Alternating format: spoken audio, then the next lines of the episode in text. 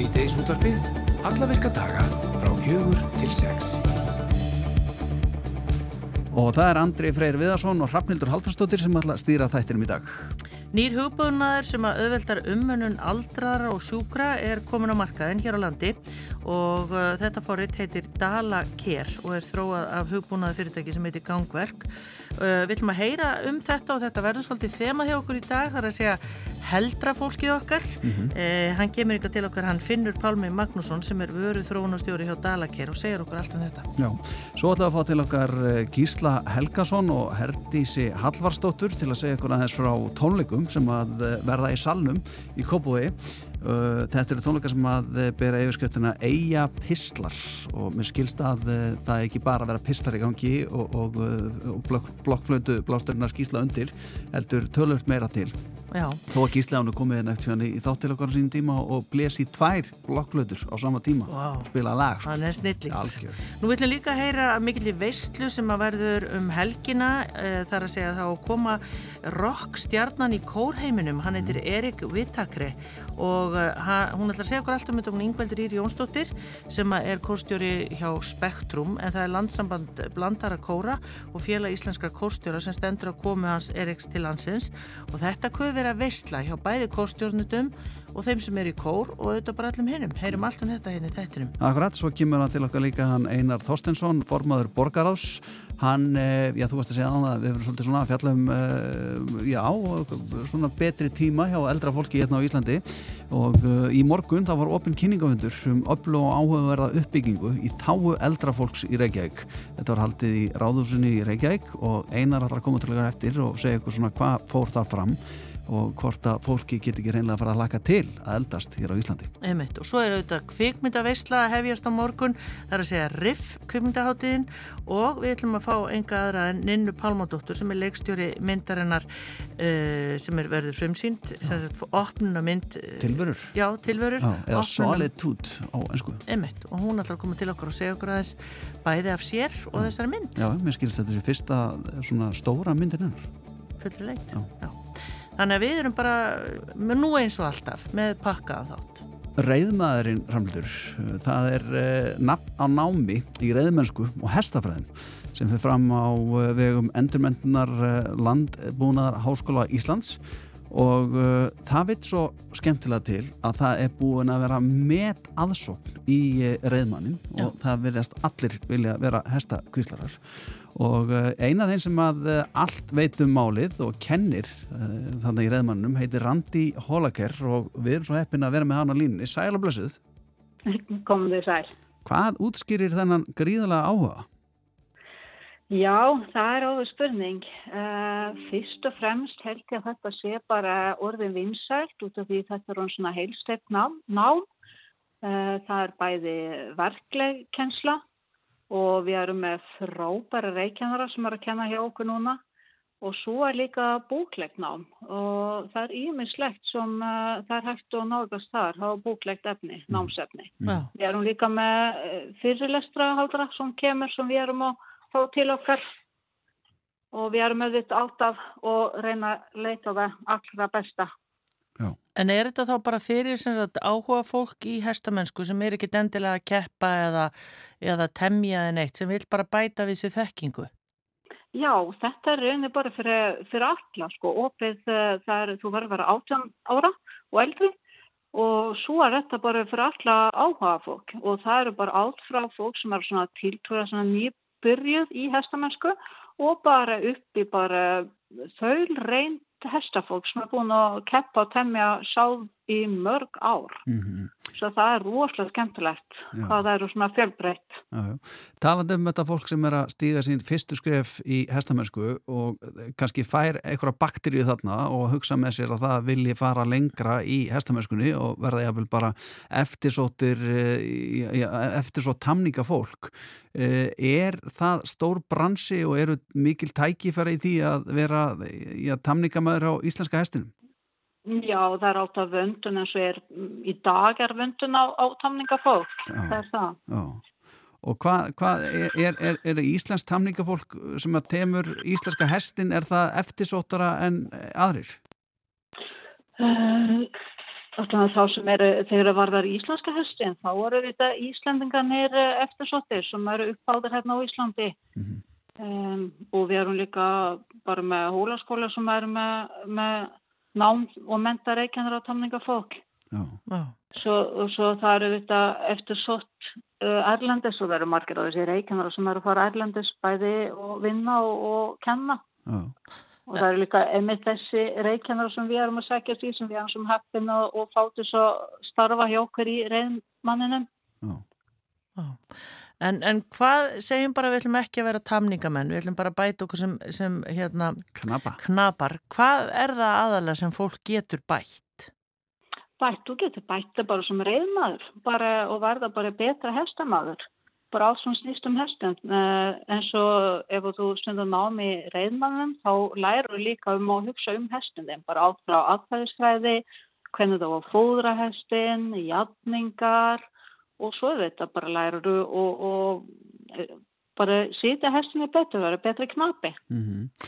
uh, Í ár þá er það tæplega 200 mann sem að hefja námi reyðmanninum er pláss fyrir fleiri?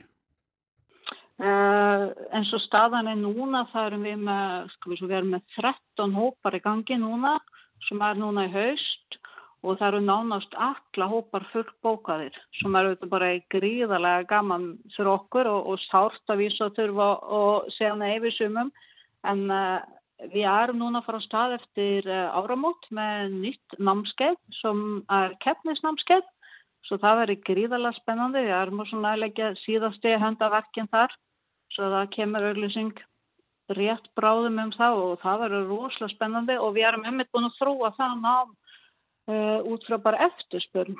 Mm. Við fáum svolítið fyrirspurn eftir það til fólk sem hefur þá búin að kannski verið lengri í hestamennsku, ekki áður byrjandur eða búin að ríða út lengi, þeir vilju þá fá kennslu og aðstöðum og bæta sig og verða bara betri á keppnisvellinum. Akkurat. Eh, Randi Hólagar, eh, reyðkennari og verkanstjóri reyðmannsins, takk hjá alveg fyrir spjallið og gangi ykkur vel með komandi átök á nýju nefnum. Jú, takk fyrir það. Bless, takk, bless, takk. Bless, bless. Rástvö Fyrst og fremst með þér á Rástvö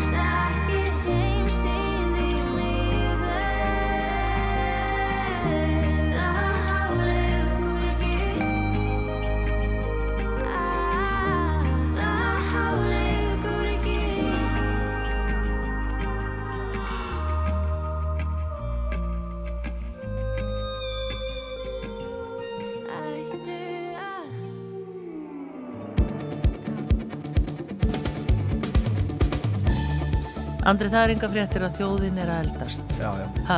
Það er óhjákvæmilegt. Já, og eiginlega kannski hraðar en við gerum okkur grein fyrir og uh, Það er mitt völdið þema þáttarins í dag því að við ætlum að tala hérna eftir Já. við Einar Þorstensson. Akkurat. Uh, Okkur um andum uh, fólk sem eldist. Já, því þeir eru með, hérna, voru með opin kynningafund um uh, bara málefni, sem sagt, svona uppbyggingu í þá eldra fólks mm -hmm. í mhm, Reykjavík. Við mhm. tölum við þá eftir. En við rákust á frétt um það að það er komin fram nýr hugbúnaður sem að auðveldur, auðveldar umönnun aldraðar og sjúkra, sjúkra því að auðvitað takmarkið alltaf, allir geti búið sem lengst heima. Já og forreiti heitir Dalaker og er þróað höfbúnaða fyrirtæki sem heitir Gangverk og uh, sá sem að veit allt um þetta heitir Finnur Pálmi Magnússon og hann er vöru þróunarstjóri Dalaker og er hinga komin. Velkomin. Takk fyrir. Segð þú okkur, þetta er búið að vera halgett aðeindir í okkur þegar eins og ég las allavega í þessu viðtali þá pröfuðu þið fyrst forritið eh, og ætli núna að fara að nota þetta er svona öfugt heldur um maður svona þekkir venjulega. Já, það eru, heilbreyðistæknin er, er stækkandi og mikið spennandi fyrirtækjum hérna heima. Mörg hver hafa byrjað heima og fara svo út.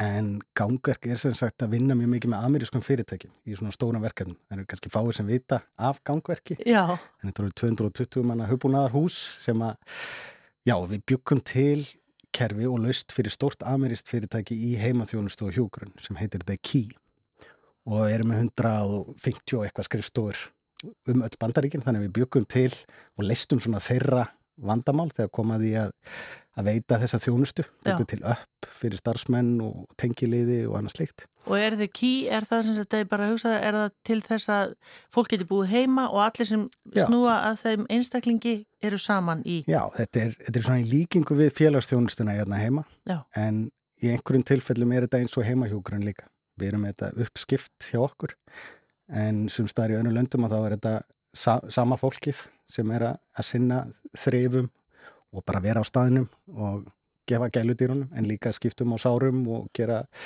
æfingar og, og annað slikt já, já. Kaupa undan hennar, fylla í skapin Akkurat, já, þannig að þetta er bara þessi að gera fólki kleift að búa lengur heima. Og þetta er, þetta er sem sagt þetta fyrirtæki kom til okkar og, og vantaði tæknilust til þess að einfalda þetta allt saman og við sáum bara hvað þörfun var stór og það er mikið gömlum kerfum þarna úti sem eru illa að mæta þessari stóru áskorun.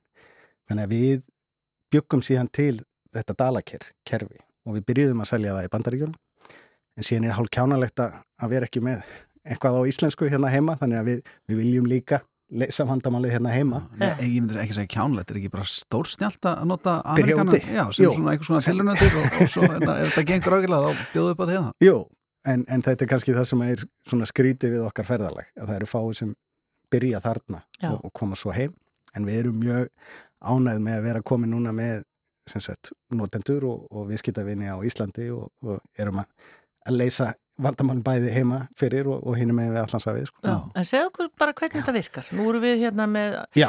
aldraða einstaklinga, segjum það Einmitt, einmitt eins og vorum að, að, að ræða að þetta er stekkandi vandamál og hérna baby boomers kynnslóðin er að ná þeim aldri þar sem að til dæmis eins og Alzheimer er, er stó, sagt, það er mikið af fólki sem að fær alveg Alzheimer eða, eða Parkinson eða þessa sjúkdóma sem að þýða að þau er erfitt með að sjá um sig sjálf og, og þurfa kannski meiri aðstóð og við endum öll þarna einhver tíman og allir mínir vinnir og félagar, þetta er oft umræðunar við mandaborðið sko, ef það, þeir eru búin að alveg börnin að, að þá taka fóreldrarni við.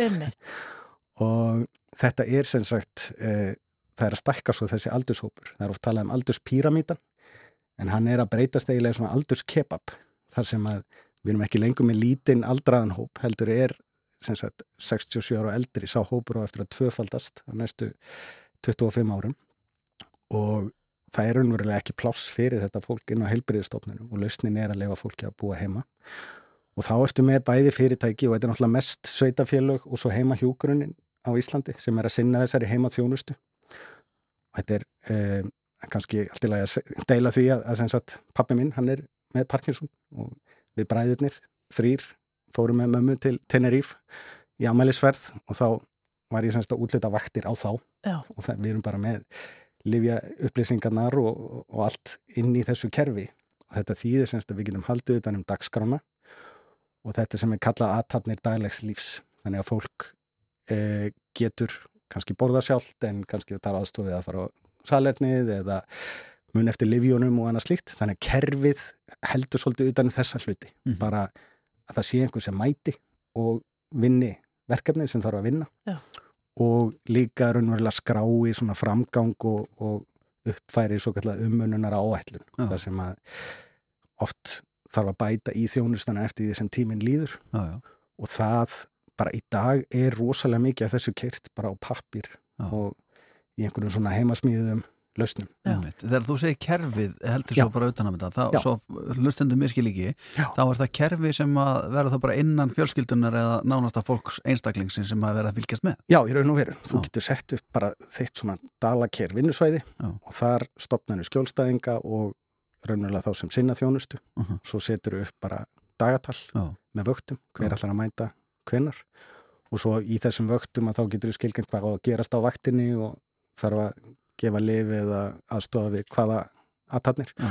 og við erum svo litið að stíla inn á fyrirtæki eins og uh, semst, sinnum heima þjónusta er fyrsti viðskiptavinnur dala á Íslandi og við vorum eins og ég sagði á hann, vorum að vinna með rúmlega 150 svoleiðis skrifstofum út í bandaríkjuna Já, og þetta er mjög mismunandi hvernig þetta er sett upp en eins og í New Jersey það voru 800 starfsmenn sem voru að sinna rúmlega 2000 skjólstæðingum.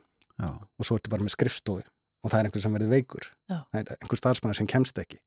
Og þetta var svo litið eins og að vera á svona inn á gólfi hjá verbreyðamiðlurum stundum að það er bara hver allar að taka þessa vakt? Af því að mörg af þessum kerfum eru stilt upp fyrir það að allt gangi bara smurt fyrir sig. Mm en það sem við læriðum á þessum tveimur árum með ekki að það er, þetta er stanslaus tröflun á þjónustu og það þarf að breyðast rætt við og einhvern veginn já, díla við það. Það þarf að finna einhvern annan sem getur tekið þessa vakt og svo þarf að hlýra til og annað slíkt. Þannig að við, við erum svo lítið svona miða kerfið á, á þetta mótel Já. en síðan höfum við verið það sem búið að vera mjög spennandi hérna heima, það er sem sagt bæði er einn meðlumur í teiminu og svo komast við í tengsl við aðra sem eru með NPA þjónustu, kannistu já, það? já, þar sem fólk er að skipulegja sína eigin þjónustu og þá er það eiginlega svona minnsta tegund af skrifstof og það getur verið fjölskylda eða einstaklingur sem bara setur upp sína dagskrá og er með sína tengiliði og aðra sem eru í samskiptum. já. Þannig að eins og, eins og þetta er, maður skilur þetta núna, er bara eru skjólstæðingarnir einhvern veginn fyrir utan kerfið alla jafna. Sem sagt geta þeir ekki fylst með eða Jú, hafa hæfileikan til Jú, þess. þeir, þeir gera það. Þeir gera Og, það. og sérstaklega eins og í NPA þar, þar stýra skjólstæðingarnir raun og veru sinni þjónustu og en síðan er bara, það fer bara algjörlega eftir hverju tilfelli fyrir sig. En, en oft eins og í bandaríkunum þá er einhver svona aðal tengilegur það var út frá tölfræðin er oftast elsta dóttirinn sem Já, já. virðist þurfa að taka boltan þannig að hérna það var áhugavert. En hérna já, einhver svona aðal tengilegur sem að er að hjálpa foreldri eða, eða nákomnum í að raunverulega geta búið lengur heima. Af því að stærsti hópur umununar aðeila eru fjölskyldur.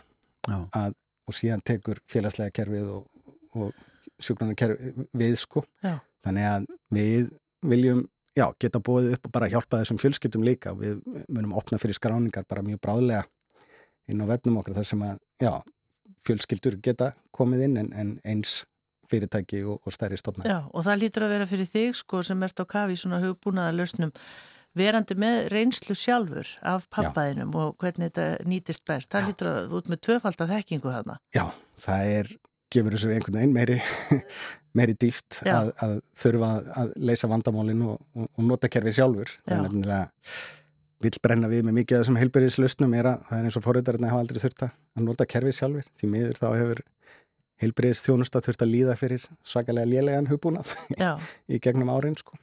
En er hérna eins og bara hvert pappa þínum eða Já. pappa ykkar, Já. hvernig hefur nánast ekkert komið svona neinn vandkaði upp eftir að þið byrjuði að nota þetta? eða?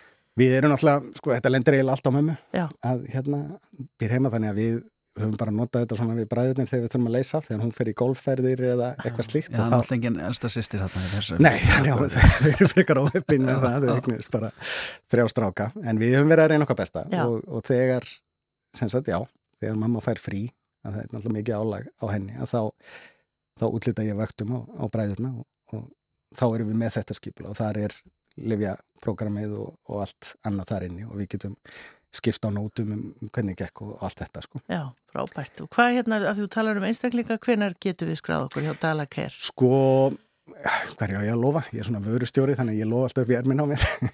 ég myndi segja næstu svona 24 vikum. Við erum að klára eh, raunarlega, já, svona þýðingar á íslensku og, annars og leys að gera þetta gera þetta þannig úr gardi að, að fólk getur bara komið inn skrási og byrjað að nota. Já. og þannig að við erum, eh, það er hægt að skrási á bygglista í dag bara inn á dala.ker þar eru, er hægt að setja í netfangið sitt og, og það er, við erum svona að hleypa inn í holum Já, já, eins og staðin Gríðalegur áhuga á þessu. Og er svo ekki bara allur heimurinn undir?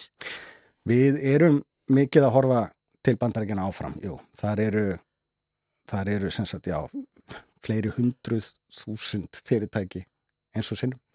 Og þar er þetta, þar er þetta þannig að þetta er fólk sem getur tekið ákvarðanur um að byrja að nota svona kerfi beint og við erum bara komin vel af stað þar og, og hérna já, erum að, að vinna þar. Og svo erum við með sko, kannski eitt sem við höfum ekki rætt í þessu að flest þessi kerfi eru svolítið hönnuð fyrir fyrirtæki en ekki fólk. Og það sem við erum að, að reyna að gera og ef okkur tekst ætlunaverkið að þá eins og hjá pappa, hann er sem sagt hann er með félagsþjónustu frá Góbóðsbæ og hann er með heimahjókurinn frá ríkinu. Stundum mæta bæði sveitafélag og ríki og alltaf klæðan í föttin á sama degi.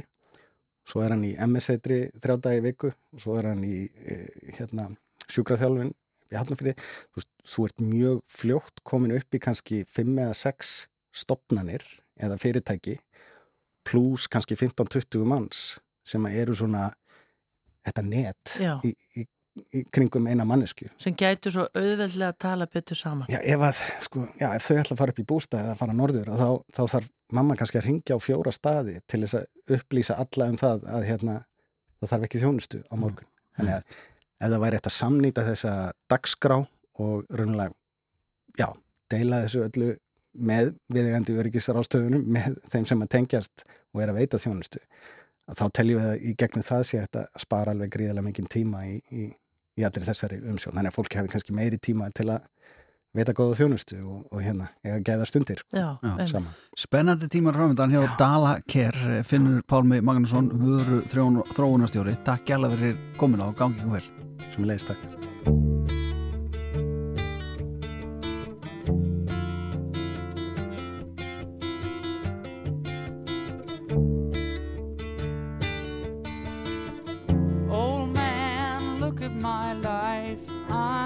Oh,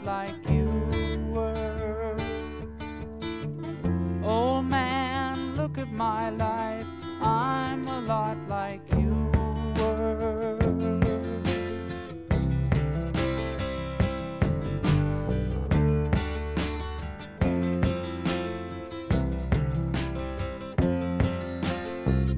Old man, look at my life. 24 and there's so much more. A paradise that makes me think of two. Love lost such a cost. Give me things that don't get lost. Like a coin that won't get tossed.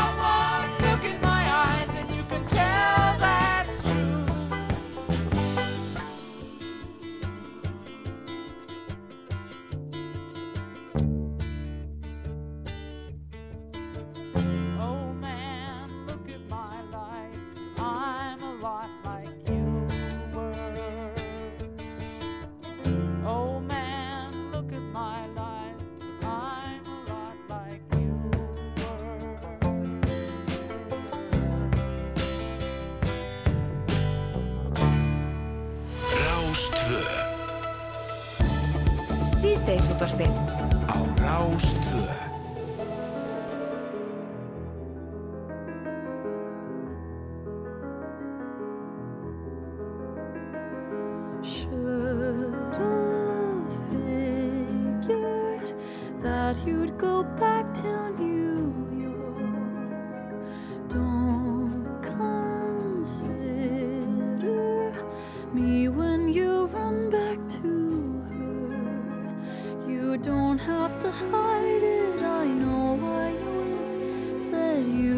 space.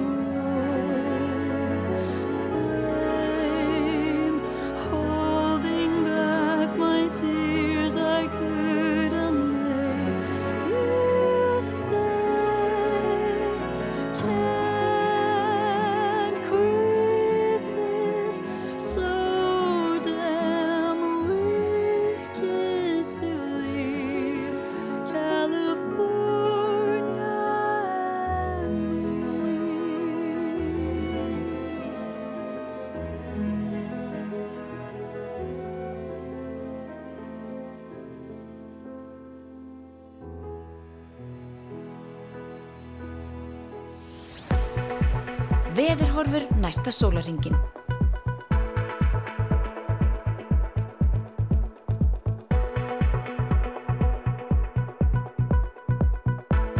Það er alveg bara sko að það er svo nutta á manni hlustina sko að að- þegar maður hlustar hérna á hana laufi með þetta lasið California and Me. En veður horfur næsta sólrengin á öllu landinu. Við skulum bara líta á það og hvernig þetta kemur allt saman út samkvæmt veðurfræðingum. En það er austan og norðaustan 8 til 15 metrar á segundu kvassast á vestfjörðum.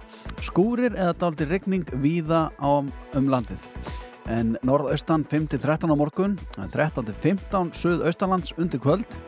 Og viða dálítil væta en byrtir til á suður og vesturlandi fyrir að regna á austfjörðum annað kvöld hiti 5-14 stiga deginum og hlýjast á suður vesturlandi en kólnar heldur norðan til sent á morgun en það er 27. september sem er nú ekki frásögufærdi nema hvað það, eh, já, það var þessum degi árið 1922 þar sem að fyrsta íslenska myndin fór í dreifingu í Reykjavík. Og voru það 10 aurar og 25 aurar peningar. Og krónpeningurinn hann var ekki slegin fyrir en 1925 en maður alltaf heyra svo mikið hvart það yfir íslensku krónni en, en heyra aldrei neitt minnst á aurar sko.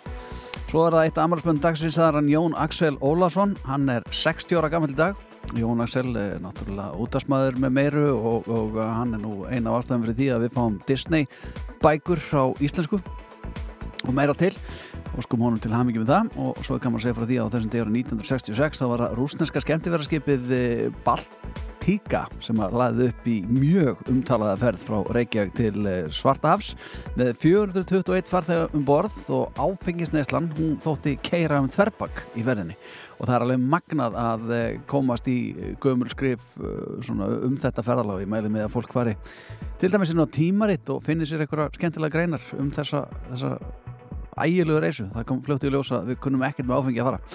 Guðni Björk Óðinsdóttir, hún er íslensk knastbyrnukona, hún er ammali dag fæðist um stegurinn 1988 og sömulegis Hjörtur Lógi Valgarsson sem er líka knastbyrnumæður er ammali á sama dag. Fæðast á sama ári á sama degi Svo er það Magnús Orri Arnason sem er einn af uh, þáttastjóndum uh, með okkar augum. Hann á Amal í dag og hann er einmitt á Dasgrau í kvöld með síðasta þáttin sinna þessari sériu. Hann fæðist þessum þegar 2021, 22 ára gammal drengurinn. Hugsið ykkur. Ég er komið að ljónastinni Radiohead og síðan ætlum við að spjalla við Gísla og Herdísi um Eija Pisla sem er ekki pislar, þau eru tónleikar með pislum. Ja, þau segja hvernig hann var að fara að segja mér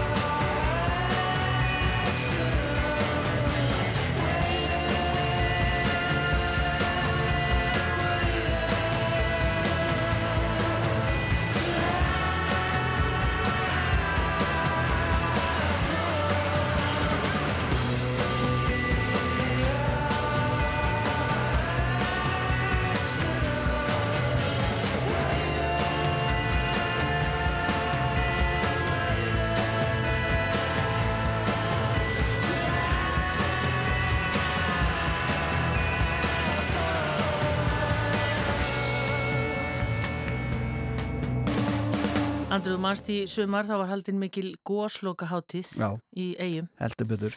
Og uh, það var hérna mikið um dýrðir. Og eitt af því sem að þarna var bóðið upp á voru tónleikar í eldheimum sem, sem er hérna sapnið til menni sem um eldgósið og uh, það á aðeins að endurvekja tónleika sem þar voru haldnir og þau eru komin yngað, Gísli Helgason og Herdís Hallvarsdóttir sem standa meðal annara að þessum tónleikum og uh, Gísli, yfirskrift tónleikana er þetta eru eiga pistlar vegna þess að Þetta er svona tónleikar og sögustund í bland, ekki satt? Jú, sko þetta kom þannig til að Kristín Jónsdóttir yfir maður eldjama hafið samhandið mig og þetta þróast í að við myndum halda tónleika og spila brot úr eigapislum Já. á milli, á milli laga. Og fyrir þá sem ekki vita hvað eigapislar eru, segð þú okkur. Já, eigapistil, þetta voru þættir sem voru á dagskrá Ríkisútarpsins frá 7. februar 73 til loka mars 74 og við, bræður ég og Artur, bróðuminn Helgason, hann hérna við það voru alls held ég um 260 þættir gerðir og þetta var fyrst vikulega svo smá saman fækkaði þeim. Og við munum spila svona skemmtileg brot úr þessum þáttum og náttúrulega spila tónlist. En sko það sem vatið hefur mest að aðtegli á, á þessum tónlingu þá voru tilkynningarna sem voru í þáttónum eins og til dæmis þegar var auglýst eftir svörtum plastpoka með hérna rúmfötum og borðbúnaði norskri biblíu og kvennarbuksum við, við hlægjum að þessu núna. Já, Já einhver sem hafi glatast náttúrulega í, í gósinu sem fór á sínum tíma með bát til þorlásafnar og lendi eitthvað staðar. Já, já, já einmitt. Mikil æfinn til að föra hann á þessum boka Þessi pistlar eru, að því að pistlar hljómar átt svolítið svona fráhrindandi sko, sérstaklega í, í, í tónleikahaldi en þetta verður skemmtilegt sem svona Þetta á að vera skemmtilegt og það virkaði þannig að ég að þetta var óbúslega ljúfsart, fólk alveg greiðt af hlátiri og greiðt af tilfinningarsemi og ég bara allt þar á milli, það var allur tilfinningaskalin og, og mér fannst alltaf skemmtilegt að ég tók viðtal við tæflega 12 ára gamla Peja sem bjó í Öllusborgum og svo hann var náttúrulega með mjórum að rödd þá og sagðist þér á 12 árin Svo kemur maður til mér á tónleikur og helsunum og segir Sallaflöfsar, ég heiti Steingrimur, þú tóst viðtal við mig fyrir 50 ár. Já, þannig að hann var þá einn af þeim sem hafi komið fram í þáttunum. Já. Já. En hvað gáttu við verið að fjalla um? Ég menna, þú nefnir þarna þessar auglýsingar eftir svörstu pókunum og svona, en hvað annað? Því þetta var auðvitað fyrir margar og svolítið erfitt uh, tímabil. Já, við fjöldluðum um allt um milli himins og jarðar. Við sko tókum talsesta viðtalum við fólk og þá var lesna, fólk senda okkur bref og ammæliskveðjur og allt þetta og, og þetta var bara verið að fjalla um lífið og tilvarverna hjá versmanningu því að sömur voru hefnir aðri ekki og fólk þurfti oft á tíma að flytja á milli íbúða og svo náttúrulega auglisti fólk hvar það var og, og bað ættingi að maður hafa samband við sig hér og þar og til dæmis einu fóreldrar auglist eftir hérna sinni sínum sem var á bát og tilkynnt að þau byggu eitthvað starf, hvað var kólsvellið eitthvað starf. Já, þetta er náttúrulega áður en við hérna erum með farsíma eða Facebook eða hvað það nú heitir. Það var ekki til slikt. Nei. Herdís, veist þú um einhverja á Íslandi sem eru jafn stoltir að uppruna sínum eins og eigamenn? Nei, veistu það þú, þegar þú segir það. Nei, ég, ég held bara ekki. Nei. Og eitthvað stað var ég en daginn þar sem einhver var að, einhver að tala um, ég bara skilit ekki með þessu eigamenn, þeir mega bara ekki hittast þá eru þeir farnan að syngja. Einmitt, einmitt. Og svo ef að tveir eigamenn hittast og þeir þekkjast ekki dættilega, en leða þeir, og þeir eru sko ekki eigin, þeir eru kannski upp á landi, að þeir eru bara eins og bestu vinir að þeir eru frá eigum en eru í hennu stóra heimi og þá, þá hópaði sér saman og eru bræður sko umstund. Þetta er voða gaman, þetta er mjög svona létti yfir þessu fólki, þetta er duglett og gott fólk veismanningar og, og þeim finnst mjög gaman að segja skemmtilega sögur og, og hérna, heyra tíðindi hver af öðrum og, og skemmtilegast finnst þeim að syngja. Já, Já, auðvitað, En það söng, þegar við vorum með þetta program í sumar, það, það söng svoleiðis með fólki að það var ósvalega gaman. Já, nú er það sko náttúrulega með þjóðatíðina, þeir eru með góðslagaháttíðina og svo nú er það þetta, þessir tónleikar með, með pislánum og svo eru aðrir tónleikar líka með að þeir eru farin að dreifa svolítið úr ykkur hérna skemmtanhaldi sem er ekki bara í Vestmannum. Nei, sko við náttúrulega verðum að útbreyða eigamenninguna til eh, fastalandsins, Já. til norðureyjar. Það verður svolítið loða við eigamið þegar ég þekki nú eitt sem að býr hérna á landi og hann flaggar IPVF-fánunum bara við minnstatilfunni. Já, það er bara hans handamál. Já. Gísli, aðeins bara að, áður en við heyrim af dagskráni í kvöld. Uh, hvar varst þú þegar það gaus?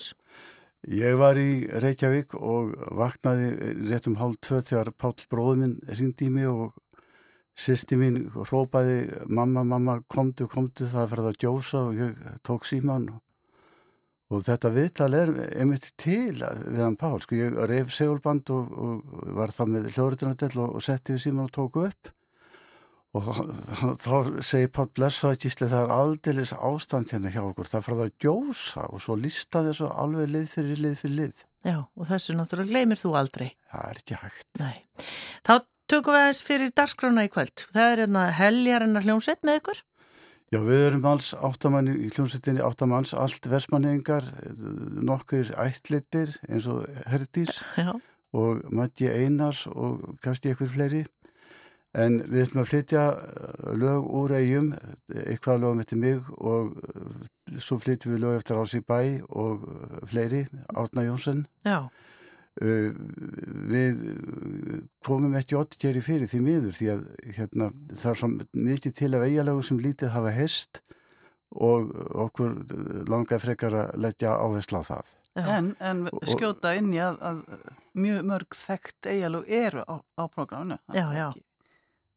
Og, Samt, sko. já, og svo á milli laga þá hérna, verða sögðar eitthvað sögur úr, úr gósinu og e, spiluð brot úr þeim eigapislum sem til eru. Sko. Það eru til aðeins um 80 þættir af 260 því miður. Já, en það hefur þú tekist að varvita það.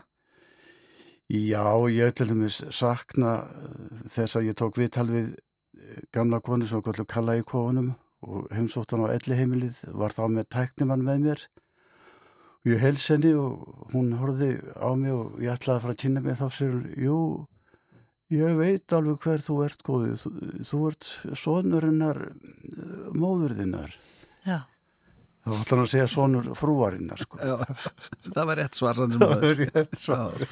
Þetta er magnat, eh, þannig að það er eh, von á góðri kvöldstund. Í salnum í Kópói, er það ekki? Jú og, og hérna ef söngleðin verður álíka og, og ég þá verður sko mikið stuð. Og þá má syngja með. Já, það er- já, það er, við það er vonum að fólk vilji syngja með. Já. Ég- Það á að syngja með það það bara á að gera það. Og hvar fær fólk með það?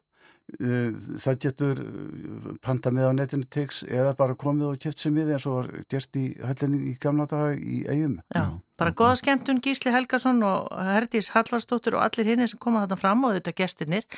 Bara það verið mikið fjör í salnum í Kópói í kvöld. Takk fyrir komuna í útvarpi. Já, takk. Takk fyrir. Og þá er ekki úr vegi að heyra eitt af eiga lögunum. Þetta er negla frá Gísla Helgasinni sjálfum, heitir Út við sund og eigir. Látur skær, á fjallamenn og megar, mánan liftri slær, stjörnu bjartur himinn, logar nýsir grund, liftri slær á bárun við suður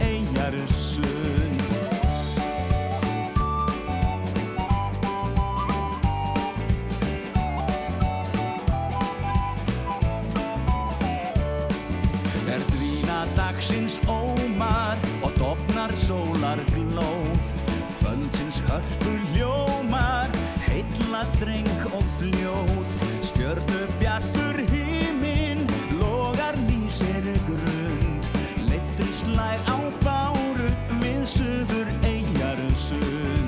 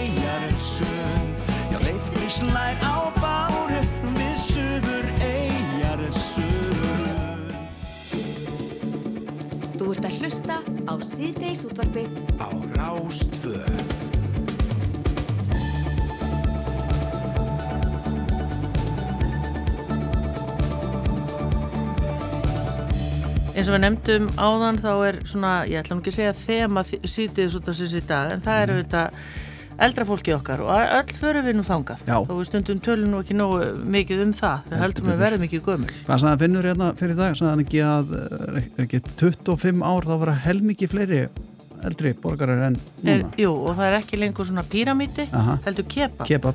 Já.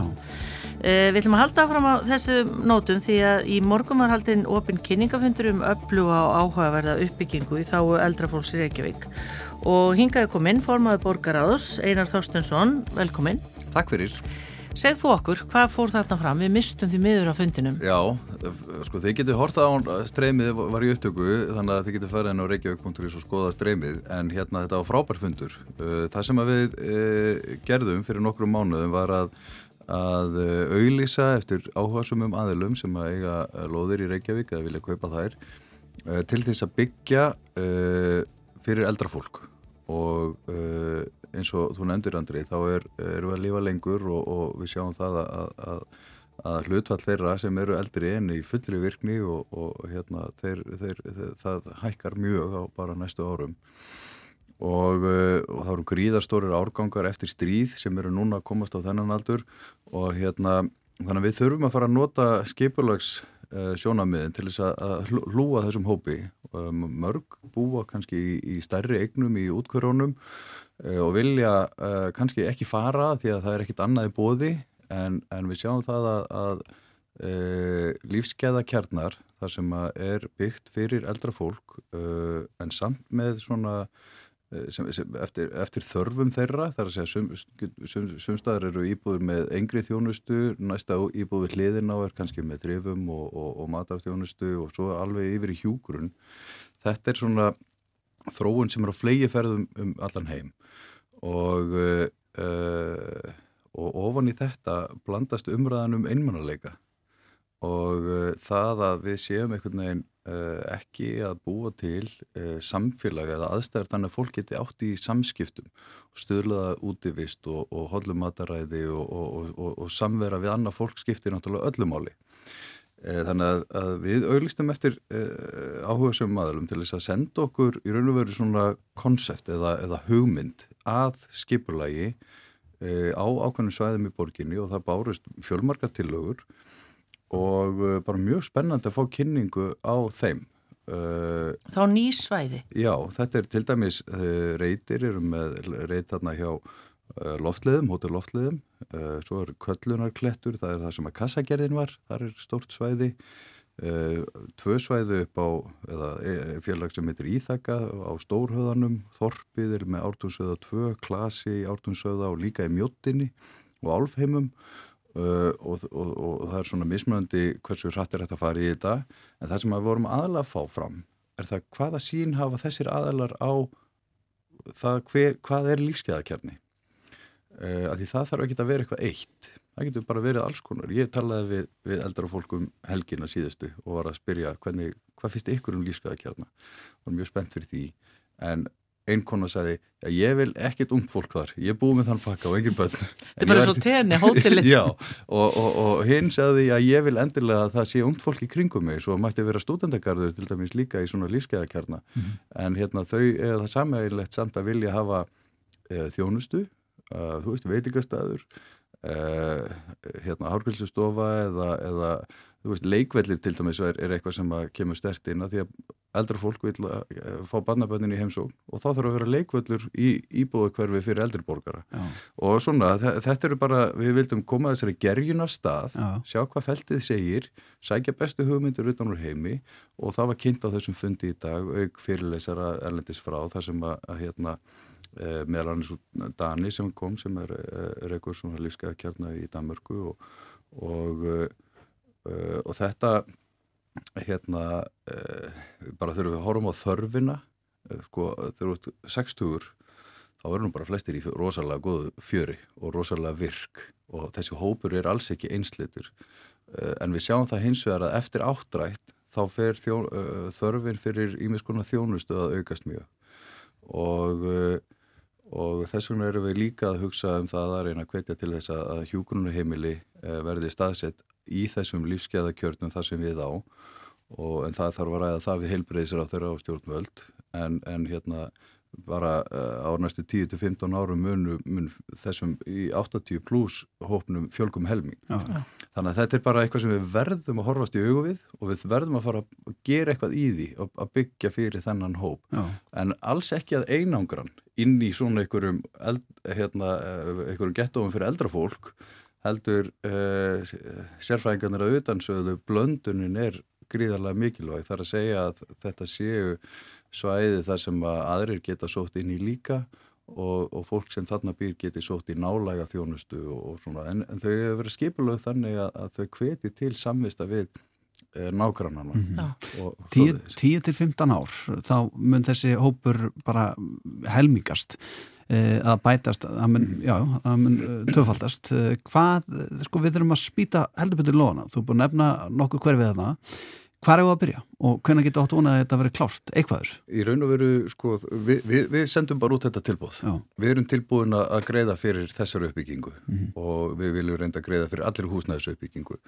En við vorum svona daldið að beina uppbyggingaraðalum í þessa átt vegna þess að þarna sjáum við að vöxturum verður, að þörfin verður mjög mikil.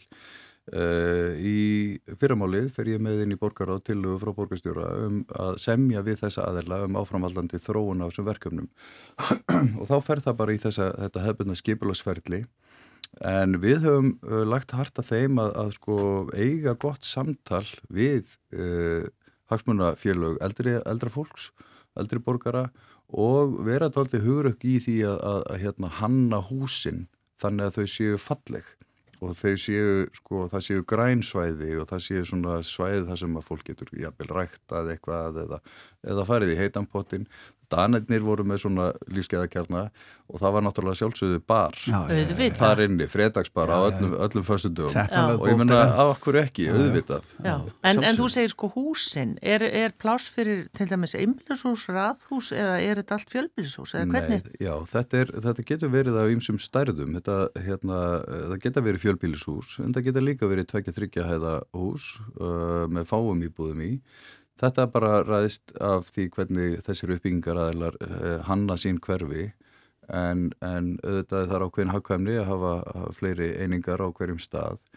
Uh, ég er þeir, þannig gerður, ég vil ekki setja ómikla skorður. Mér finnst þetta eigi að vera dýnamist samtal og, samtal og svona hugarflæði með, með bæði eh, hérna, fólkinu sem á að nota og Mhm. vill kaupa. Það, við, erum að fá, við vitum ekkit alveg hvað, hvað vil eldra fólk. Uh -huh. Það vilji bara rosalega marga ólíka hluti. Já, Þannig að hérna... En, Já, ég er alltaf með eina, eina tegund húsa sem eru ekki byggð, það eru lítil einbílishús eða lítil raðhús, þau eru bara nánast ekki til, Já, nýbyggð. já, já. Það væri kannski þetta blanda því, nei, nei. Það getur bara vel verið. Uh, reytirnir sem að, að eru hérna komnir á blað hér eru kannski þess eðlis að það er ólíklar að það verði þannig byggt en, en það eru hins vegar svæði í Reykjavík þar sem að, að væri hægt að byggja svoleiðis.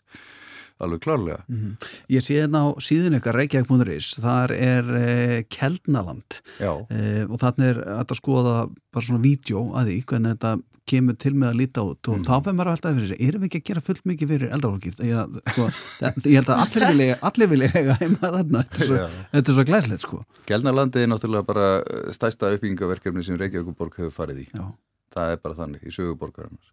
Þannig erum við að taka, uh, vorum að kynna í gær sem sætti nýðustuðu uh, alþjóðlega samkeppni þar sem að tóku þátt bara bestu arkitektur í heimi og skipulagsfræðingar og fengum þarna sænska sigur tillögu sem að er eiginlega alveg dásanlega falleg. Uh, þarna er, þetta bara nýr borgar hluti þar sem geta búið alltaf 15.000 manns. Og það er ekkit sem segir það að þetta get ekki verið fyrir eldri. Sannarlega. Já. Ég sé fyrir mér að þarna geti sannarlega verið uh, lífskeiðakjarni fyrir eldra fólk. Já, ok, þannig Og- þetta er ekki bara fyrir gamla fólki. Nei, getur, Kel- Keldnalandið er annað. Þe- Þetta, þessar tillögur sem að við vorum að kynna í dag, þær eru á öðrum stöðum í borginni, Mhm. en Keldnalandið er, er, er annað projekt sem að, hérna, er bara fyrir alla Mhm. og hérna eh, 5-7 þúsund störf sem að gert er að fyrir að verða þarna og, og alltaf 15 þúsund manns, það fyrir þetta hversu þétt á að byggja, Mhm. en yfirbræðið er mjög heillandi og ég, við fengið mjög góð viðbröð við þessu að því að bara horfið á og sér þetta hérna á tölvuskjónum hjá þeir, þannig er komin hallandi þög og svona fjölbreytileg hús En ég menna, sérðu Já, fyrir þér þessi lífsgæði kjarnar farið í svona uh, hugmyndasamkeppni og einhverjur uh, margar arkitektastofur komið til með að tekna þetta upp eða? Sko, uh, þessir aðilar sem að uh, sendu inn tilögur til okkar voru búin að skissa upp uh, hvernig þetta gæti litið út en, en eflaust fara þeir í, í í leita þeir til uh, hérna, öflugra arkitektastofa um, um hönnun á þessum húsum og þessum, þessum kjörnum og það skiptir mjög miklu máli að, eh, að við byggjum fallega uh, að því að upplifun fólks að því að fara úr kannski af heimilum sínum í gráinum eða eitthvað staðar þar sem það hefur búið kannski lengi það þarf að vera hérna það þarf að vera ánægt Mhm. og við verðum að byggja fallega uh, þannig að hérna fólki líði vel og, og ytrabyrði húsuna þarf líka að vera svona og garðarnir á milli þau þurfa að vera fallegir og, og hérna fólki þarf að líða vel upplifunir skiptir gríðarlega miklu máli Já. Spennandi. Já, heldur betur. Uh, Einar Þorsteinsson, uh, tilvonandi borgarstjóri, 9. januar. Já. Og núna núverandi formaður borgaráðs. Já, já. Takk hjá fyrir þetta og gangið úr með þetta.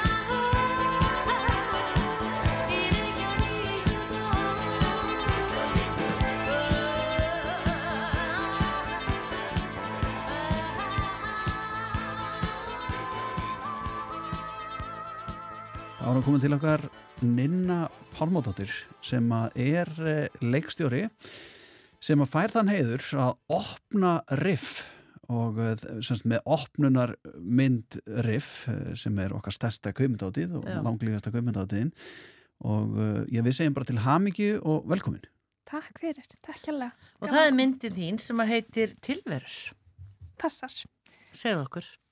Frá myndinni, heyrðu, um, þetta er semst fyrsta kveikmyndi mín í fulli lengt sem leikstjóri. Um, handritið skrifað af Rúnari Rúnarsinni, um, kveikmyndagjalamanni. Um, þetta handrit kom í hendunar á mér fyrir þrem árum síðan held ég. Um, þá byrjaði þetta allt saman.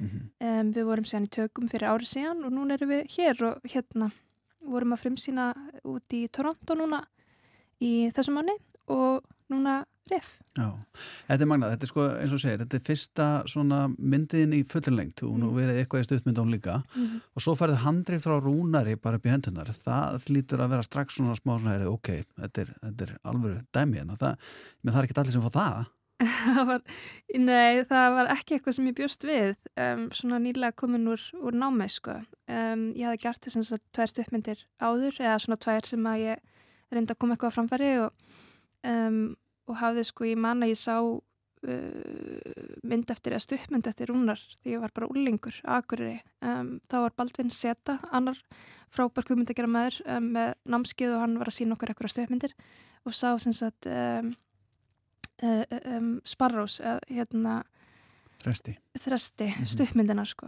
Um, og frá, frá því þá leiti mikið upp til hann sko. Um, þannig að þetta var þegar þetta kom að borðið þarna fyrir þrjum árum það var svolítið, svolítið gali en svo sá ég að þetta var greinilega bara einhvern veginn örlögin Mm, um, varðandi efni við einn sko hvað ég var búin að vera fjallum og, og svo efni þessu handriti þannig að ég er afskaplega þakklátt að hann sá sá stuðmyndina mína og sá þetta tækifæri. Já. Þegar sko maður fær handrið eftir rúnar í hendunar, eins og segir, þú hefur litið mikið til rúnars en það er einn okkar bestu leikstjórum. Uh, er ekki svolítið erfitt að leikstýra svo mynd sem að er ekki í anda hans eða hvað gerur? Reynur að slíta það svolítið frá honum eða hvað? Sko, ég held ég hugsi ekki einu svona úti að því ég held að eins og fólk er ólíkt þá erum við aldrei að fara að gera sömu bíómyndina sko. Þannig að ég í rauninni ákvað bara og var með líka bara þakklátt fyrir að vera með tröst frá honum að hann vildi að ég gerði þetta mínu eigin eða að, að, mínu verki sko. Um, þannig að ég hugsaði bara um, það er fínt að vera ekki að ofugsa sko, hvernig höfundur er ég, hvernig, hver eru höfundaverki mín og eitthvað þannig heldur bara eh, vinna bara frá hjartanu og, og, og hérna og það verður þá þitt Já. ef þú gerir eitthvað einlagt og, og hérna um, setur þína einlagni í, í list þá verður það að þínu sko. Já. Um hvað er þessi mynd? Tilverur. Tilverur er um uh, vinnskap, vinnáttu um, á milli mjög ólíkra fóla þess að um, aðluturki er hann þröstur Leo sem er leikur um, mann sem er búin að lifa í, svolítið, eh, svona í smá einangrun um, og semst ríki tekur jörðina hans yfir um, fyrir virkun og, og hérna hann flyttur til Reykjavíkur fyrsta skipti um, og vingast sem sagt við blaðböra strákin í hverfinu sem er tíu ára gammal strákur sem heitir Ari og þeir einhvern veginn eru báðir á krosskutum í lífinu og, og finna einhvern veginn örugt skjóli hérna í félagskap hvers annars um. Hver leikur aðra? Hann heitir Herman Samuelsson frábær leikari á framtíðana fyrir sér Hann er eh, eins og nefnir hérna, þetta er, eh, þetta er svona svolítið, ef maður fara að sletta, odd couple, eins og myndi segja, þessi félagar. Mm. Hefur hann leikið eitthvað áður, Herman? Eða varst þú að leikstýra hann fyrst skipti? Hann hafði smá reynslu, hann hafði verið þetta var svona fyrsta stóra hlutverki hans um, hann hafði verið eitthvað held í stuppmyndum og eitthvað svona aukulutverkum en, en fekk þarna svo sannlega að skína í einu aðlutverki og hérna gerði afskaplega fallega vel Já. Megum við spyrja aðeins út í þig, hvenar, hérna, hvenar komst þú námi og hvar lærður þau? Ég lærði út í New York, um, það er semst New York University, er, það er listaskóli þar sem að kallast of the Arts og ég var þar í masteri í kaupmyndalegstjórn, um, lærði áður í HÍ, en ég var í New York 2016 til 2019, þá kom ég heim, eða ég var endur ekkert með að plana að koma heim, svo kom bara COVID og þá var ég bara komin heim, um, svo fór þetta allt saman í gang, þannig að og þú bara átti kannski að koma heim bara eftir það saman Þetta fer allt eins og að fara held ég. Já. Svo er stóri, já, stóra kvöldið er á morgun, Já. annað kvöld, þá Mm. mm. verður myndið sínt fyrir fullum sal af uh, félögum, vinum, vandamönnum, fjölskyldu og, og jafnvel óvinnum líka. Eh, Hvernig, hvernig tilfinning er það? Er það ekki svona stressandi tilhugsun að- að vera í salnum hérna heima? Jú, það væri nú eitthvað aðeim að væri ekki stressaður í blandu spenntur sko, þannig að um, það, við náttúrulega svona stór pakki búin með að við frumsýndum hana úti en, en það er náttúrulega afskaplega sérstætt að fá að frumsýna í heimalandinu og, og það er afskaplega um, fallett að hún sé opnunamynd riff og mikill heiður af því að báðar stuppmyndina mínar síndu þar og bladberinn sem var stuppmynd sem var mikill örlega valdur í mínum svona, hvað ég segja, ferli var að hún vann bestu íslensku stuppmyndina og, og þannig komst ég líka í kynni við einna framlegundum myndarinnar Lilju. Um, þannig að það er eiginlega ég er enda svolítið að klýpa með að núna þessum árum setna sé ég með opnunum myndina, það er svolítið galið sko en, en afskaplega skemmtilegt og, og sérstaklega vera með krúið, þú veist, teimið, allt saman og leikarna og fjölskylduna mína og fá eitthvað neginn öll að uppskýra, smá uppskýra hátíð Mhm. þannig að ég er mjög spennt Já. meira spennt en stressið Og myndin fer svo væntalega bara í almenn kvikmyndahús eða hvað? Já, hún fer bara daginn eftir, þá 2009. núna á, á föstudaginn, þá fer hún í almenna síningu í Sambjörn Mhm. Á hérna ammælistegi pappa minns. Það er ekkert annað Ég gef hann mjög, mjög veglega gjöf. Já, þetta getur verið. Tilverur uh, að fara í kvömyndús verður sínd á morgun á Riff, opnumynd og svo hún bara í almenna síningar á ammælistag pappa Ninnu Pálmadóttur og ég held að sé það að gera ég er bara að hlusta þess á Kallin þau Til ham ekki mamali, við erum fyrirfram hverja Já, akkurat, akkurat. Takk fyrir komuna í sítið þessu dorfin inn á gangi Takk fyrir spjalli, takk hérlega.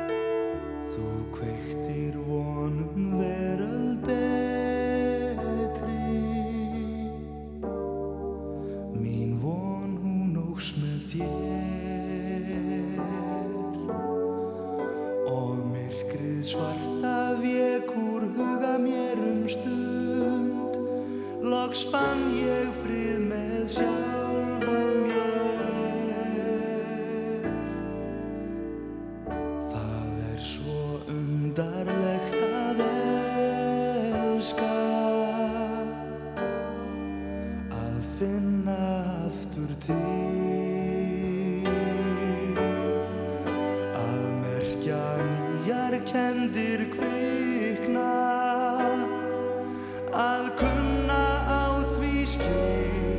Hvernig lífið vex og dafnar í myrkrinu. Að hugsa um þig hvern dag, hverja nótt er skilda sem berum bunin í sjálfri sér. Þitt fyrsta bros,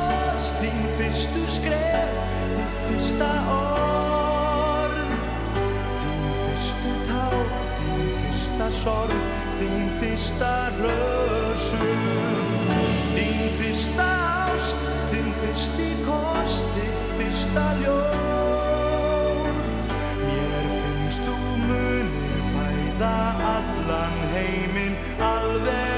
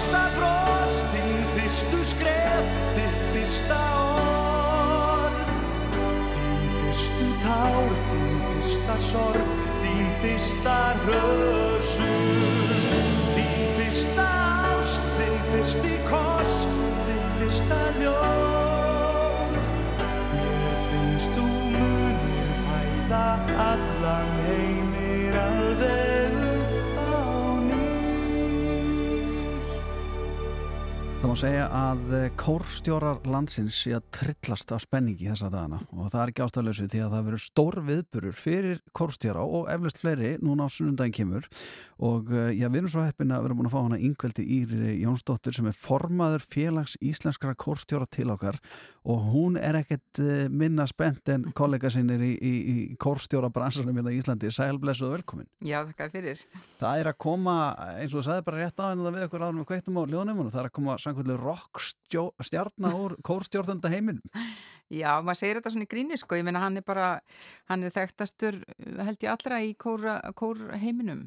Er Bæði fyrir, já, fyrir verkin sem hann hefur samið og líka bara um, fyrir það að hann er svona brautriðandi í netkórum löng, og byrjaði á því löngu fyrir COVID sko að koma fólki saman þannig að hann semur tónlist sem að fólk getur sendt inn allstaðar úr heiminum þannig að ég er til dæmis bara alltrött þá sendi ég bara mína alltrött úr þessu stykki og þannig hefur hann verið sko með fluttning fyrir með kannski 100.000 manns á netinu þetta er kallað virtual choirs Já. og hann samdi nokkur verk bara með þetta í huga til dæmis og, já. Hann er kallaði faðir virtual kóra. Já, já, já, akkurat Já. Það er þess vegna Já. svo auðvitað í COVID þá byrjar þetta að verða vinsælt en þá var það allt öðruvísi náttúrulega Já. En hvar starfar hann? Er hann bara á alheimsvísu? Já, hann er nú greinlega mikið að ferast um Evrópu núna, hann var bara í Barcelona um síðustu helgi en hann um, sko hann býr í, í Los Angeles Já. og hérna vinnur mikið í bandrækjum náttúrulega og er, er mikið fluttur þetta er sko örglega svona eitt af mest fluttustu tónskáldum fyrir kóra Já. Já. Já. Hann, eh, þetta er líka Grammy velun að hafið ekki? Jú, jú, fyrsta platan hans, hún hérna, hvað heitir hún, Light and Gold það eru svona þekktustu lögin sem eru flutt í dag og svo önnur líka að þau, það rauk bara beint á mest selda mm, plötu í sko klassiska geiranum í Bandaríkjónum og Breitlandi Já. á einni viku veist, þannig að hann er mjög vinsæl En er þetta þá, er þetta þá aðalega klassískir kórar sem hann er að stjórna eða er þetta klassísk tónlist eða alls konar? Sko, ég myndi nú segja þetta, uh, þetta náttúrulega er klassísk tónlist af því leiti að þetta er fyrir klassíska kóra, þetta er ekki popkórar, en um, það eru margir kórar sem samt syngjan, sko, eins og til dæmis hann semur tónlist sem að er ætluð teiknimyndum og það er alveg hægt að syngja það með svona ekki of klassískri rödd og svo hefur hann samið til dæmis verk sem heitir Enjoy the Silence eftir Deepatch Mode eða sem sagt hann útsetti það lag Já. þannig að hann fer svona um víðan völl og stíllin hans er afgerandi Mhm. Hvernig þá? Já, sko, hann er afgerandi af því leiti að hann, hann svona, eh, hann notar rosalega mikið ómstriða hljóma og svo leysir hann þá upp í bara eh, þægilega þrýhljóma og fyrir aftur yfir í ómstrið og hann gerir þetta mjög svona bæði óskipulega og óskipulega. Þannig að þetta verður ákveðin upplifun að hlusta en það verður líka mikil upplifun að flytja þetta. Já. Þú, Þú minnist hérna á Depeche Mode og hann hefur nú líka unni með Annie Lennox, eða ekki? Jú. Er þetta einhver gammal 80s hundur? Já, veist, hann, hann dreymdi um að vera rockstjarnar sko, þannig að hans ferill var ekkit endilega úr klassikinni, þess vegna er ég að segja sko, hann er svolítið fyrir alla, Mhm. en auðvitað uh, hann semur bæði mjög erfiða tónlist að flytja og svo mjög auðvelda. Mhm. Já. Hvað hérna, þú ert formaði félags kórstjóra, Mhm. hvaða, veistu hvað eru margir kórar á Íslandi? Ég hef bara, ég hef aldrei náða að telja það alveg saman, en sko við slögum nú örgulega hátt í 200 kóra. Mm, heimsmet? Já, sjálfsögðu.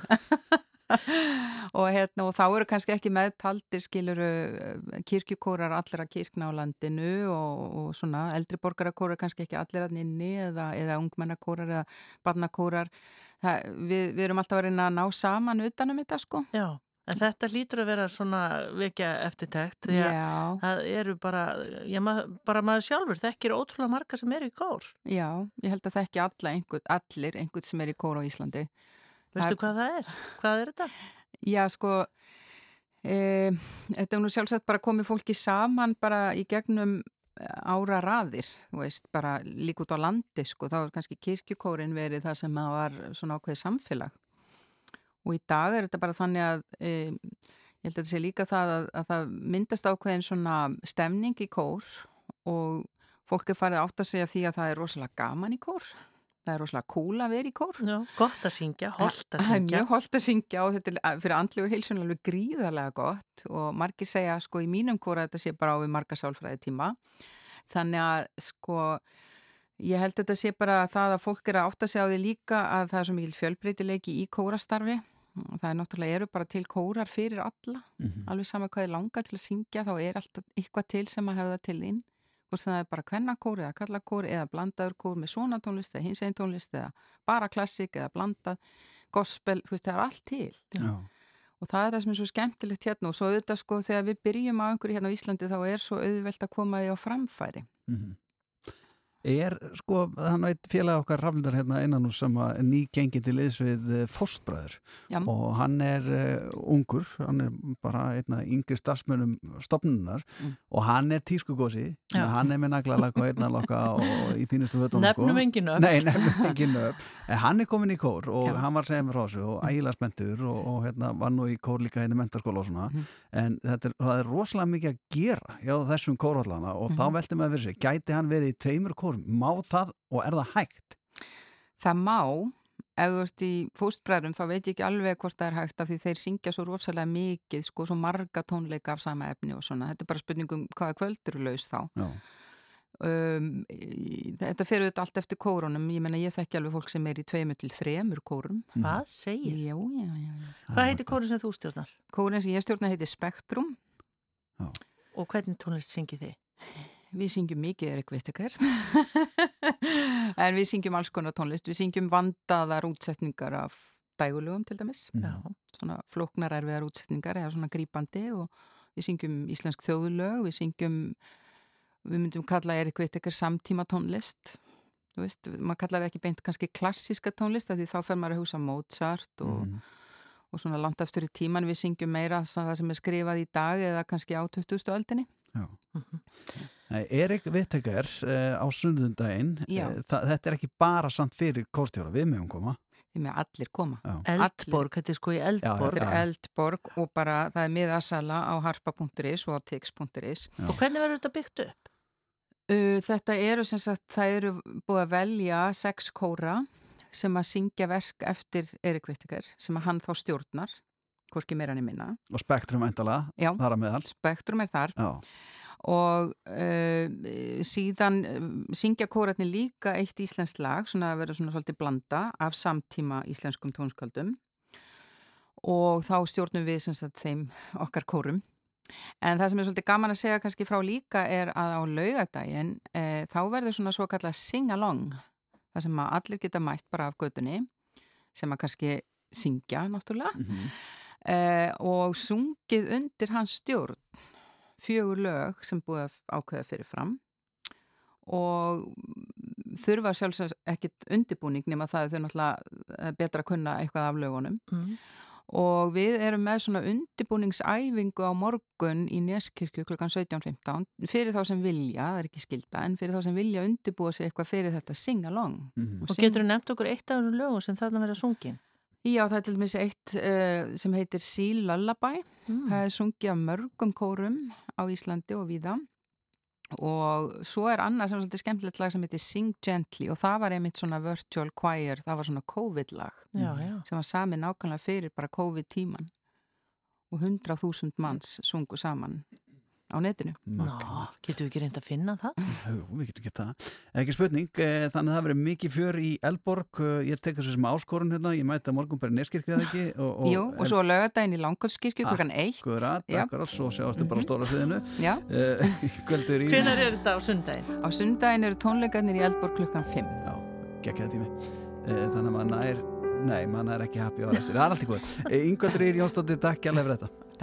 að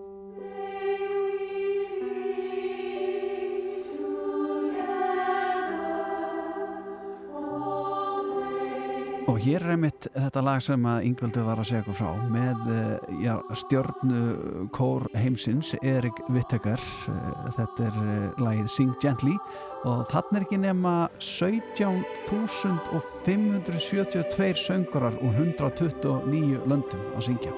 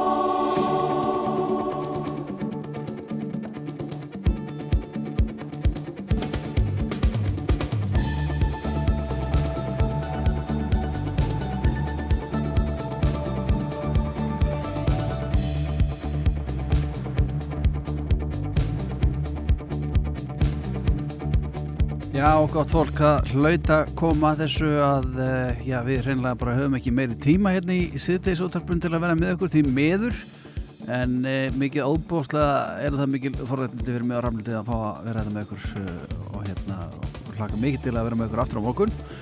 En e, það er nú bara svona, það er komið að lóknum í okkur, það er speill sem að tekur við að sjálfsögðu rétt eins og vennilega og uh, ég svo nú eitt og annað í gangi hérna á, á, á Rástvö eins og öll önnur kvöld og bara alla aðra sólaringa e, og sömulegis já, já í sjónarfinu það er eitt og annað í gangi þar og, og það gaman að segja frá því að það er síðasti þátturinn af með allra, með okkar augum ekki með allra augum, heldur með okkar augum.